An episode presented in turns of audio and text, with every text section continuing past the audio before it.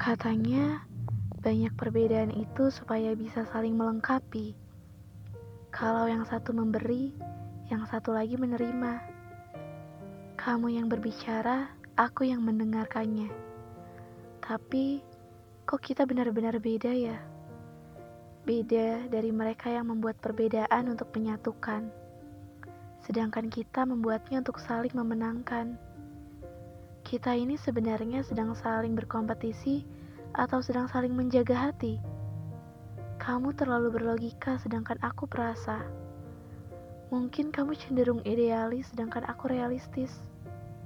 Atau mungkin kamu dengan sifatmu yang koleris, tapi aku si melankolis yang hanya bisa mengandalkan kata serta frasa untuk kusuguhkan dalam jatuh dan cinta, terutama kepadamu. Kamu seorang yang kuat dalam berlogika, sedangkan aku melangkah tanpa dasar tak terarah, hanya dengan perasaan dan kata coba.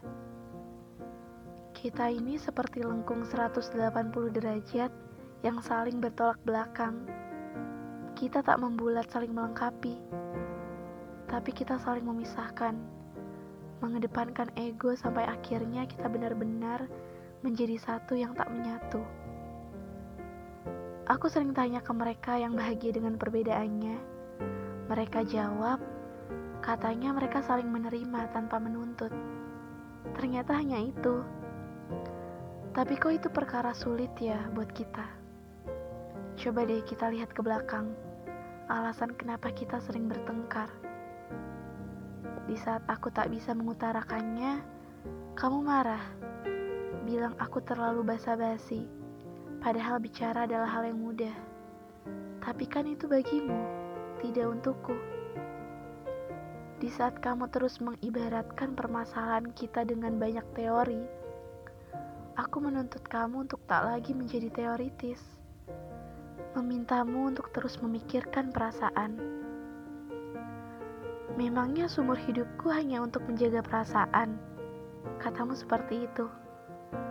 Lalu waktu itu aku menangis bilang bahwa kamu tak pernah mengerti rasanya jadi aku.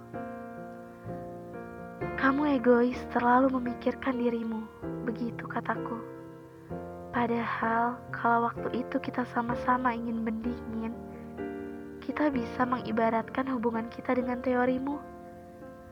Lalu kita bisa membicarakan perihal manusia yang selalu melekat dengan perasaan, terutama perempuan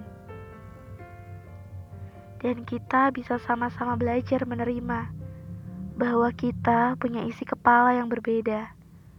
Kamu dengan katamu dan aku dengan kataku.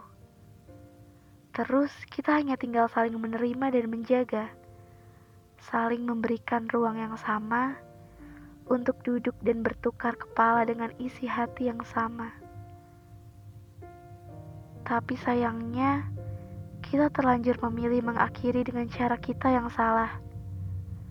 Kamu dan aku sama-sama mengaku menang, padahal di waktu yang sama kita telah kalah karena cara kita yang salah.